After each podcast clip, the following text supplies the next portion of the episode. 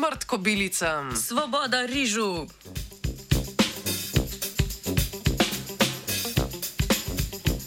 Kitajska znanstvena skupina je v reviji Journal of Fungi objavila članek, v katerem so preiskovali vpliv talne gljive Buveirija basijana na kobilice, ki so zajedavci riža. Spremljali so, kako izbrani koncentraciji posežeta v življenjski cikl kobilic.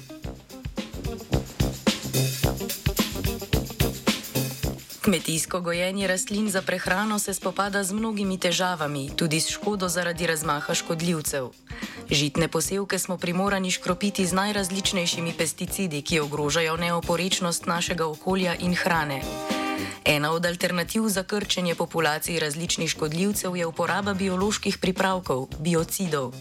To so bakterijski ali glivni pripravki, ki uspešno zatrejo ali preprečijo reprodukcijo škodljivih žuželk. V študiji je znanstvena ekipa uporabila spore gljive, ki, so, ki se v kmetijskih raziskavah že uporabljajo za zatiranje kobilic. Raziskovalke in raziskovalce je zanimalo, kakšen vpliv ima na nos spor v dveh različnih koncentracijah. Opazovali so njun vpliv na prehajanje med razvojnimi stadiji kobilic v starševski in potomski generaciji.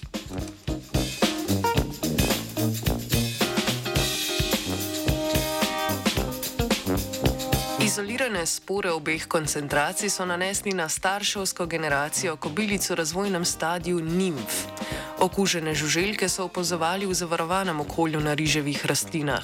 Med spremljanjem razvoja nimf izpostavljenih obema koncentracijama je znanstvena ekipa opazila počasnejšo rast in prehajanje med stadiji žuželk.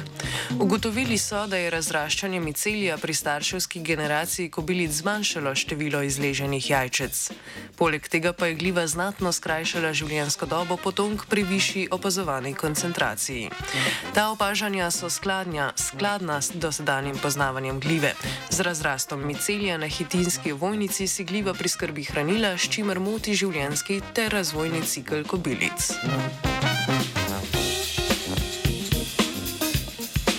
V raziskavi so znanstvenice in znanstveniki ovrednotili sistematični upad razmnoževanja in števila kobilic. Za uporabo glivnega insekticida pri zaščiti polskih posevkov pred škodljivci je tako koncentracija spor ključna. Višja uporabljena koncentracija se je izkazala za učinkovito pri zmanjšanju populacije kobilic v laboratorijskih pogojih. V naslednjem koraku bi bilo nujno ovrednotiti, katera koncentracija in širša strategija zatiranja škodljivcev bi bila najbolj smiselna pod vplivom različnih okoljskih dejavnikov. S tem mislimo ohranjanje hektarskega donosa, ki pa ni škodljiv za biotsko raznovrstnost v širši okolici.